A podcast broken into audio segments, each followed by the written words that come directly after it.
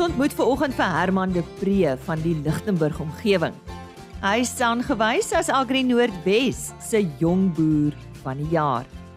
Dan hoor ons by Beyers Mellow wat die waarde van lucerne gradering is. Hy's van GWK en Karen Venter het onlangs met hom gesels. Canola produsente het 'n uitdagende plantseisoen agter die rug en ons gesels met Zander Spammer van Southern Oil daaroor. Nou bevestig François Nels van Apex watter biosekuriteitsreëls vir lewende hawe agente geld.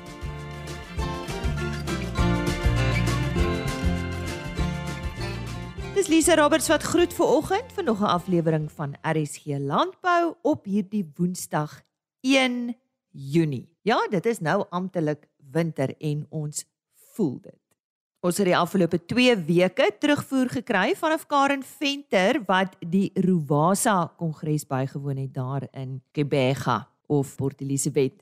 Dit is 'n kongres vir die Herkouer Veterinêre Vereniging van Suid-Afrika. Een van die sprekers daar was François Nels van Apex en uh, sy het tydens die geleentheid ook met hom gesels. Soos die luisteraars sal weet, het ek al reeds met 'n handjievol sprekers hier by Revasa se kongres gesels en vandag het ek vir François Nals raak geloop. Hy is van die Raad vir Landbouprodukte Agente, oftewel APAC. François, wat bring jy vandag na die tafel vir die gehoor? Goeiedag Karen.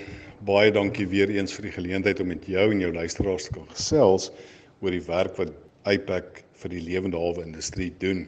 Ons is natuurlik vandag in uh, Port Elizabeth en ons is by die Rovasa Kongres. Hierdie kongres is 'n sametrek van al die veeartse in Suid-Afrika en ons het die geleentheid om vandag met hulle te gesels oor die biosekuriteit reëls wat APAC in 2020 vir lewende hawe agente afgekondig het. Die rol van veeartse is natuurlik belangrik en hulle sal dan ook die rol vervul van biosekuriteitspraktisyn by veilinge. Vandaar is dit vir ons regtig krities belangrik om met hulle te kan gesels oor wat ons voorsien hulle bydrae vir hierdie industrie sal wees. Franswyk is baie seker die luisteraars is net so nuuskierig soos ek. Hoe kwalifiseer 'n persoon as 'n biosekuriteitsbeampte? Karen, om te kwalifiseer as 'n biosekuriteitspraktisyn is baie eenvoudig. Dit is enige iemand wat by die Suid-Afrikaanse Veterinêre Raad geregistreer is en dit sluit in veeartse, veearts spesialiste, veearts tegnikuste en veearts verpleegsters. Enige iemand wat derhalwe kwalifiseer as 'n professionele lid van hierdie raad is dan iemand wat ons ag as 'n biosekuriteitspraktisyn in terme van die reëls wat ons gepubliseer het. Dit lei natuurlik nou na my volgende vraag, wat is die funksie van 'n biosekuriteitsbeampte by 'n veeveiling? Die rol van die biosekuriteitspraktisyn by 'n veiling is van kardinale belang en dit word pertinent in die biosekuriteit reëls van APAC gedefinieer. Die funksies wat so 'n individuele persoon sal vervul, sluit in die opstel en die bestuur van 'n biosekuriteitsplan. Dit sluit ook in die operasionele ondersoek van elke dier wat by die veiling perseel afgelaai word en natuurlik vele meer wat insluit kommunikasie met staatsveeartse indien daar 'n probleem opgespoor en geïdentifiseer word. Ek wil net beklemtoon die rol van 'n professionele kundige en ons noem dit natuurlik die biosekuriteitspraktisyn is regtig vir ons primêr belangrik omdat dit een van die pilare is waarop ons die sukses van gesonde diere wat deur veilinge verkoop en verhandel word sal verseker. Ons almal weet dat veeprodusente dit dikwels maar moeilik het en dit klink vir my of die daarstelling van biosekuriteitsbeamptes dalk net 'n noodsaaklike leemte gaan vul. François, hoe gemaak as ons luisteraars meer van APAC wil weet? Enige iemand wat verdere inligting oor APAC wil bekom, kan ons asseblief kontak by ons kantoornommer. Hierdie kantoornommer besonderhede is op ons webwerf en ons webwerf se adres is www.apacweb.org www.rsg.co.za. Frans Onels van Apex wat net weer bevestig het wat is die biosekuriteitsmaatreëls wat vir lewende hawe agente geld. Dis 'n nuwe maand, nuwe landbou tydskrifte. Ons begin met die Stock Farm tydskrif wat nou op winkelrakke beskikbaar is. En ons sluit aan by die redakteur Isak Hofmeyer. Dag sê, ja, die winter is op ons en op die meeste plase in die somerreënvalgebiede val die fokus baie sterk op wintervoervloei. Heel gepas het ons dus 'n paar artikels in die Junie uitgawe van Stokfarm oor die aspek. Ons kyk onder andere na die waarde maar ook die slaggate van sojaoesreste en die aanpassing van herkouers op mielieoesreste. Ons voorblad storie gaan eerstens oor 'n oorsig oor die stand van landbou in die land en prioriteite vir die toekoms. En dan het ons ook 'n fokus op die Boeraan, daardie Afrika bees wat relatief onlangs sy opwagting hier aan die suidpunt gemaak het. Winter beteken ook veldbrande. In 'n baie belangrike artikel kyk ons na die riglyne van brandvoorkoming, die wetgewing daar rondom en ook die organisasies betrokke by die voorkoming en bekamping van brande. Dis beslis 'n moedlees artikel vir elke boer. Maar terug by die storie oor die stand van landbou. Sedert 1994 het die landbousektor teen 'n verstommende pas ontwikkel. In die proses egter het die gaping tussen die kommersiële en die opkomende sektore dramaties verhoog. Die vraag is hoekom en hoe kan dit aangespreek word? Die landbouekonoom Dr. Aartjan Verskoor neem hierdie situasie onder die loep en kom met 'n paar interessante perspektiewe. Hoe versag mens die effek van droogte? In die 5de aflewering van ons reeks oor klimaatslim boerdery maak die skrywer Dr. Louis Du Pisani die punt dat dit 100% seker is dat enige veeboer op een of ander stadium 'n droogte sal ervaar. Die enigste onsekerheid hieroor is wanneer. Dis een van die redes waarom daar boere is wat glo dat mens nie vir droogte kan beplan nie. Nou Louis wys egter daarop dat klimaatslim boere geleer het om die effek van droogtes te versag deur sekere bestuurspraktyke. Hy beskryf twee benaderings. Die een is 'n reaktiewe benadering wat hy 'n hidro-onlogiese benadering noem en die ander 'n proaktiewe benadering, die hidrologiese benadering. Dis werklik stof tot nadenke. Hoe kry Suid-Afrika sy back and closure vrye status terug? Wel, nie maklik nie. En beslis nie as die hele waardeketting nie ernstig en nou geset saamwerk nie. Die bal volgens 'n artikel getitel Strategie om Suid-Afrika se FMD vrye status terug te kry is vierkantig in ons eie baan. Die 2021 opkomende boer van die jaar, Ahmad Brinkhuis, boer op die Kaapse vlakte met groente en hoenders. Nou tydens ons besoek so 'n paar maande gelede aan sy plaas, het ek opnuut onder die indruk gekom van hoe doodgewone vasbyt die meeste struikelblokke kan oorkom. Die uitdrukking waar daar 'n wil is, is daar 'n weg is sonder twyfel waar in die geval van die Brinkhuis familie. Lees hulle merkwaardige storie van hoe hulle van oorlewingsboere ontwikkel het tot waar hulle vandag is. Inderdaad merkwaardig. Ek het reeds die artikels genoem oor die benutting van oesreste en dieselfde trant is daar artikels oor die benutting en ook die berging van kuilvoer. Alles na my mening verpligte leesstof. En daar's nog heelwat ander belangrike artikels waaroor ek kan praat, maar ek vol, volstaan nou eers hierby. Die Junie uitgawe van Stokfarm is nou op die rakke. Soek vir die indrukwekkende Boran Bil op die voorblad. Groetnis tot volgende keer.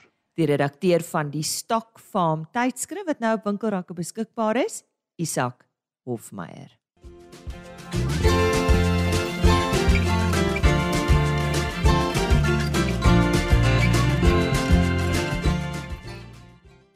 Daar is seker niks so mooi soos canola wat in blom staan nie.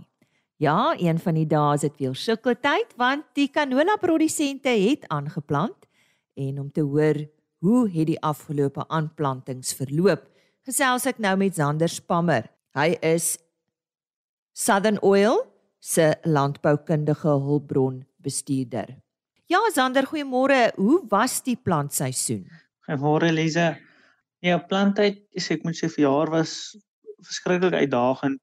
Dit het maar begin by so ons canola cultivars voer ons almal in en uh die hawens, ek weet ja, ons sukkel verskriklik by die hawens soos jy weet om enigiets daar gedoen te kry. So toe was ons saad redelik laat. Ehm um, ek gaan dit is maar droog ook in oor al drie gebiede van die Swartland tot ek wil nou sê van Pakketberg tot by Mosselbaai was plantheid nie regtig ideaal nie teen die berg in die Suid-Kaap was dit redelik goed maar uh, meer in die dele na die vlaktes toe was dit maar swaar ons maar nog droog. Is daar meer canola wat aangeplant is as gevolg van die goeie produksie die afgelope paar jaar?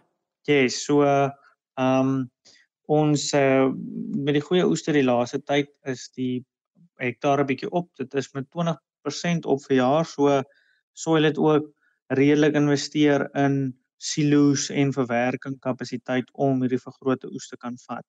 Die plantseisoen klink nogal vir my uitdagend. Maar soos ons weet, is ons canola produsente baie goed in dit wat hulle doen. Op watter stadium is ons nou wat produksie betref en hoe lyk die situasie? Ehm um, canola van nou in die Suid-Kaap en die Oeverberg is is al redelik op. So meeste produsente hierso is besig om hulle onkruid te bestry. En so ek sê jy is nie so baie voggie, so jy kan nie nou nog hulle onkruid is wat meeding met jou canola plant voggie. Uh in die Swartland wag hulle maar nog vir hulle eerste goeie winterreën om al die canola uit die grond uit te kry. So ehm um, ja, in die, in die in die Swartland is maar nog redelik kalerig en aan die onder is hy al redelik pleintjies wat uh, so 3 4 blaar stadium is. Dis dan nog niks blomme nie, maar die blommetjies sal kom. So wat is op hierdie stadium die belangrikste dinge waarvan ons canola produsente bewus moet wees? Ehm um, in die sin van aan 'n agronomiese kant, soos ek sê uh, in die in die Suid-Kaap en die Oeverberg is onkruidbestryding maar redelik nou op die op die voorpunt en dan ook swartstam. En uh, in die swartland, soos ek sê, daar wag ons nog regtig vir die canola om om op te kom. So So uh, dit is maar so ek sê swartstam en onkruidbestryding. So sê Zander Spammer, hy is van Southern Oil en hulle landboukundige hulpbron bestuurder. Southern Oil het ook 'n portaal vir produsente op hulle webtuiste waarna produsente kan gaan kyk. Alle relevante inligting is op daardie portaal beskikbaar.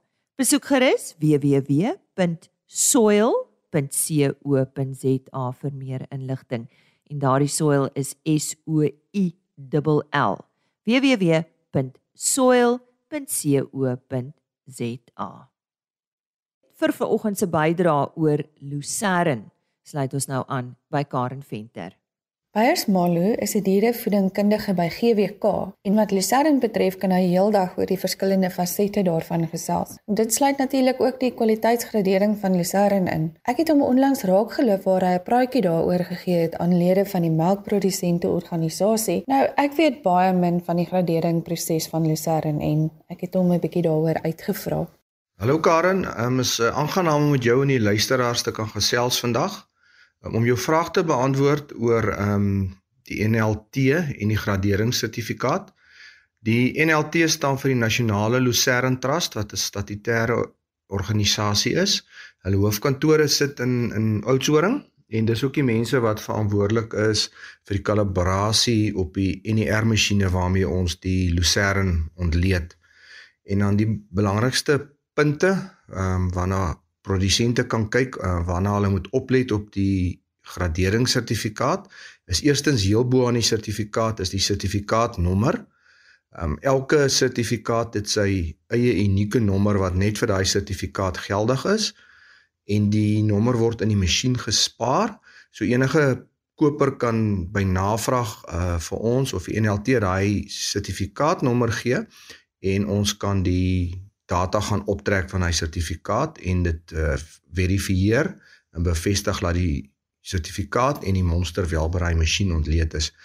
Die tweede belangrike punt op die sertifikaat is jou voedingsstofanalises van die lucerne. Ehm um, dis jou komponente soos proteïen, vog, uh, ADF, NDF en jou ligneenwaardes en dan word daar ook die LKI indeks aangedui. Nou die LKI indeks is die belangrikste syfer op die sertifikaat want dit dui jou graad van jou lucerne aan, het sy dit 'n prima, 'n graad 1, 'n graad 2 of 'n graad 3 is volgens die indeks syfer. Dan die laaste belangrike aspek op die sertifikaat waarna kopers moet kyk, is onderaan waar die vragmassa en die gradeerder se naam aangedui moet word. Indien dit trok by ons op die weegbrug staan en hy word deur ons mense geïnspekteer en ontleed, sal die ins die ontleed ehm um, persoon wat die ontleding gedoen het se naam sal daar staan en daar sal ook 'n massa van 30 ton op die sertifikaat aangedui word. Indien 'n buitepersoon of iemand net 'n monster inbring en ons ontleed net die monster, sal daar 1 ton massa aangedui word en die ontleding sal ook aandui dat daar geen inspeksie is nie. So kan die koper weet of die lorry deur ons geïnspekteer is of net 'n monster ontleed is. Beiers, waarom is naspeurbaarheid en die kwaliteit van lucerne so 'n belangrike faktor? Ja, karen kwaliteit en naspeurbaarheid is bitter belangrik vir ons by GWK. Eerstens die kwaliteit van jou lucerne word bepaal deur jou uh snytyd in die groeifase van die plant. So ons wil graag die plant sny net voor hy begin blom, want dis wanneer jy jou ehm um, supreme en prima grade afsny. As die plant begin in sy blomfase ingaan en hy word te oud, dan ehm um, dan val hy grade af na graad 2 en graad 3 toe weens 'n laer verteerbaarheid van die lucerne. Tweedens, ehm um, soek ons geen vreemde materiaal soos grasse, stokke of toksiese plante in die lucerne nie. Ehm um, vragte moet van daai goed word afgekeer of afgradeer en dan laastens ehm um, geen natkolle in die lucerne nie. Ons soek nie mufkolle nie of vrotkolle nie. So lucerne wat nat gereën het of te nat gedou het, se kwaliteit sal obvious laer wees. En dan het ek natuurlik nog een vraagie vir jou. Waarin lê julle grootste uitdaging vir die toets van Lucerne?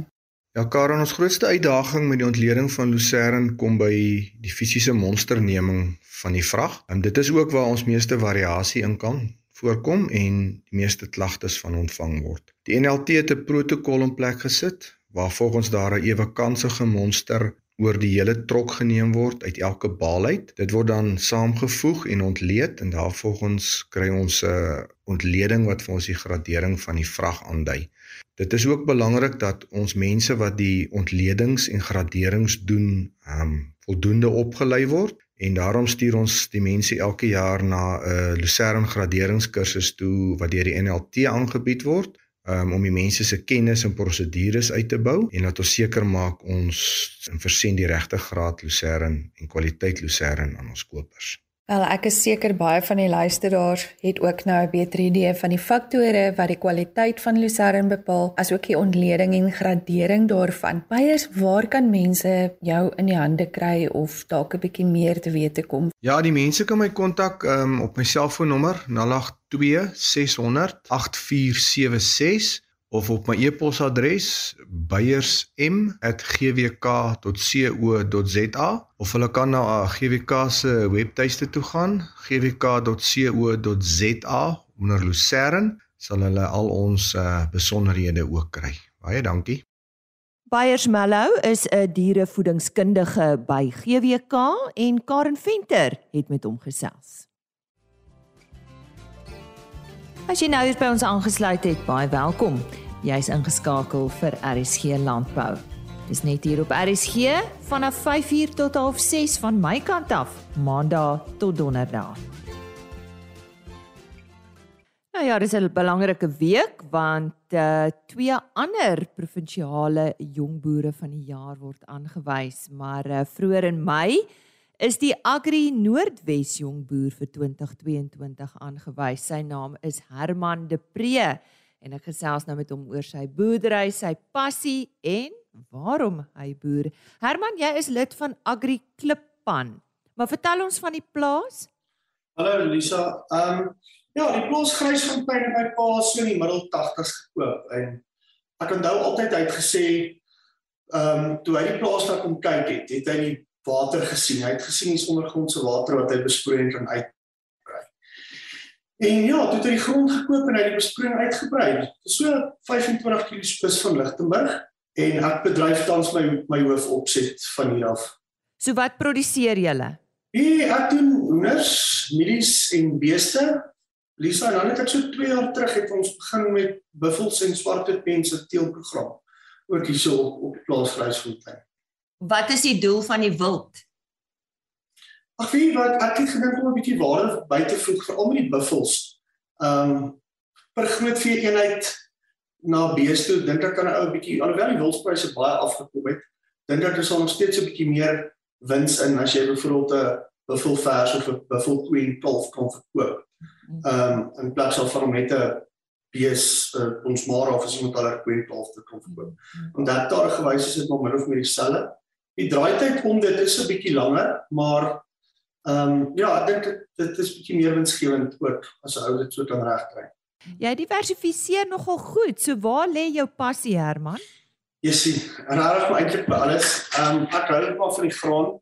Dis my baie lekker om graan te produseer. Ehm um, maar ja, by die hoenders en by die beeste is dis regtig lekker net om om buite met met God se skepping te werk en elke dag buite te wees. Dis regtig dink ek dis my passie. Dis my regtig lekker hmm. om te sien hoe groei jou beeste en jou hoenders en jou mielies elke liewe dag en Dis ook onseker. Mense weet nie altyd wat gaan gebeur nie. As so maklik was, het almal dit ons nog altyd gedoen soos die mense sê. Maar ja, dis my lekker om elke dag buite te wees en te sien ehm um, groei goed en nie te weet altyd wat moet wat gaan gebeur nie. Ek dink ehm um, dit hou mense op jou tone. Om deesdae boer te wees met jou op hoogte wees van die beste praktyke, tegnologie en dis meer en uh, hoe bly jy by Herman? Lisa, dit is is ek dink dit is raak makliker om te boer met die tegnologie wat op jou beskikking is. Ehm um, wat vir my in my boerdery moeilik is, is om jou kontantvloei so aan te pas is om nog steeds al is dit swaar gaan die goed te kan betaal. Um om nuwe goed net te gaan nou koop en skuld te maak is is 'n opsie maar môre oor môre is dit weer droog die 15 16 dink ek party mense vergeet vinnig hoe, hoe erg droog kan dit raak en hoe tyd tyd vinnig teen jou ou draai. Maar ja, dit is noodsaaklik om elke jaar ietsie te doen. Ek het 'n paar jaar terug dink ek um het ek begin om precision um planting op my planters te in te sit en weet met die hedendaagse kostes is dit so van kardinale belang om te te kan beheer wat jy kan beheer. Jy weet jy ek kan nie die reënval bepaal of die klimaat of vroeë ryp of laat ryp of mieliepryse of iets nie, maar ek kan byvoorbeeld sê hoe ek my pit gespasieer word. Die goed wat ek beheer oor het, dink ek is belangrik om daai opsies uit te oefen na die beste van jou vermoë. Veral met die hedendaagse koste snyp dan maar nie landbou homself bevind. So ja, doen elke jaar ietsie, stel vir jouself doelwitte en dan vat ou dit van daar af. Sê jy wil hierdie jaar wil jy dit dit dit doen en probeer albei uitkom. En kyk hoe gaan dit inpas al, al gaan dit swaar of gaan jy dit nog steeds kan maak. Wat behels jou gemeenskap en georganiseerde landbou betrokkenheid? Nie so ek is betrokke by Adri Noordwes en ehm um, by die RPO. Ek dink dit is verskriklik belangrik om vir elke boer en veral jong boere in vandag se tyd om reg betrokke te raak in jou gemeenskap ehm um, ek dink daar's soveel instansies, jy weet SAPA, Graan SA, ehm um, daar's baie wat mense kan wat vir die boere agter die skerms beklei. So dis regtig noodsaaklik om georganiseerde landbou braak betrokke daarbey en ja, dis nie dis nie altyd maklik nie. Mense baie kritiek ook altyd oor organisasies te sê oor die Graan Suid-Afrika doen nie dit nie of die RPO doen nie dit nie, maar ek dink regtig daar mense beklei vir ons agter die skerms om betrokke te raak by georganiseerde landbou is maar die pad vorentoe om te stap. Elke ou kan nie op sy eie uh beentjie staan en probeer iets doen nie. Dis eendrag maak mag. So ja, raak betrokke daarbey en dien dien op jou organisasies wat beskikbaar is in die omgewing. Vertel ons van jou familie, jy's getroud? Ek is ek is getroud, drie kindertjies, ek is getroud met Surina. Sy is apteker. Sy het so 'n paar jaar terug het sy opgewerk ons derde enetjie gekom het. Ehm um, so sy is nog betrokke met die ouer huis en sy loop nog nou en dan en dan sy nog betrokke hier by my op die plaas in die boerdery. En jou ouers? My ma leef nog, my pa se 6 jaar terug aan aan kanker oorlede. Ehm um, ja, maar my my my ma leef nog. So ek boer tans alleen op die oomblik. Ehm um, ja, dit was nogal ek moet sê dis nie iets wat 'n ou maklik gewind raak want ek het lank saam met my pa geboer. Ehm um, maar ja, ek moet sê dit raak 'n bietjie makliker elke nou dan. Jy kry so 'n bietjie vertroue nou en dan in jouself want dis daai tyd is dit maklik. As jy 'n verkeerde besluit gemaak het dan sit jy in jou pa of jy en nou as jy 'n verkeerde besluit maak dan sit nou maar net jou. Jy en me myself. Ja. so ja is nog lei dagend elke dag maar ons vra baie raad en ehm um, daar's baie georganiseerde landbou en raadgewers en landboukundiges en koöperasies en mentors en goeders waarvan ek gebruik maak. So probeer om nie net aan te kar in 'n rigting en vra my altyd eers 'n bietjie raad wat dit nog werd wees. Herman, waarom boer jy? Dis nie wat ek dink is soos die liewe Vader my mekaar gesit het. Dis my regtig lekker om elke dag buite te wees en te sien hoe groei jou goed en ja, dit is net vir my regtig lekker om om voedsel te produseer en om buite in die natuur te werk. Ek dink dit is 'n voorreg vir 'n mens om buite te kan wees. Nie net kantoor of in die stad te wees nie. Ek is maar plaas plaas Japie. So dit is vir my baie lekker. Ehm um, ja, ek dink dit is dis soos ek gemaak is. Baie geluk ook aan Herman de Pre. Hy dring dan deur tot die finale ronde wanneer die nasionale jongboer van die jaar aangewys word. Dis gewoonlik hierso so in November maand. En soos ek gesê het, hierdie week nog twee wenners, Mpumalanga Landbou se jongboer as ook Agri Weskaap se jongboer word hierdie week aangewys. En natuurlik gesels ek ook met hulle.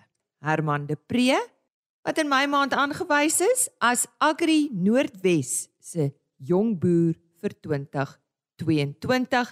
En soos hy gesê het, hy's daar van die Lichtenburg omgewing. Dis dan my kuier saam met jou vir oggend. Baie dankie vir jou tyd. Maak gerus môreoggend weer so. Ons gesels verder oor produksie in die Wes-Kaap, onder andere met Nico Groenewald van Standard Bank. Ons hoor hoe omstandighede daaruit sien. Johan van der Berg natuurlik op sy pos met nuus oor die weer en Chris Derksen wat sal bystaan met ons nuutste vleispryse. Maar daar's natuurlik ander landbou nuus. So onthou môreoggend om 5uur weer saam met ons te kuier. Ek sluit af soos altyd met 'n e-posadres en webtuiste. Ons webtuiste is agriorbit.com. Kyk net bo aan die bladsy onder podcast vir al ons onderhoude wat daar gelys word. Al die onderhoude word daar afsonderlik gelaai. Alternatiefelik rsg.co.za vir die volledige program en dan 'n e-posadres rsglandbou@plaasmedia.co.za. Ek sien uit om môreoggend weer saam met jou te kuier. Totsiens. RSG Landbou is 'n plaasmedia produksie met regisseur en aanbieder Lize Roberts en tegniese ondersteuning deur Jolande Rooi.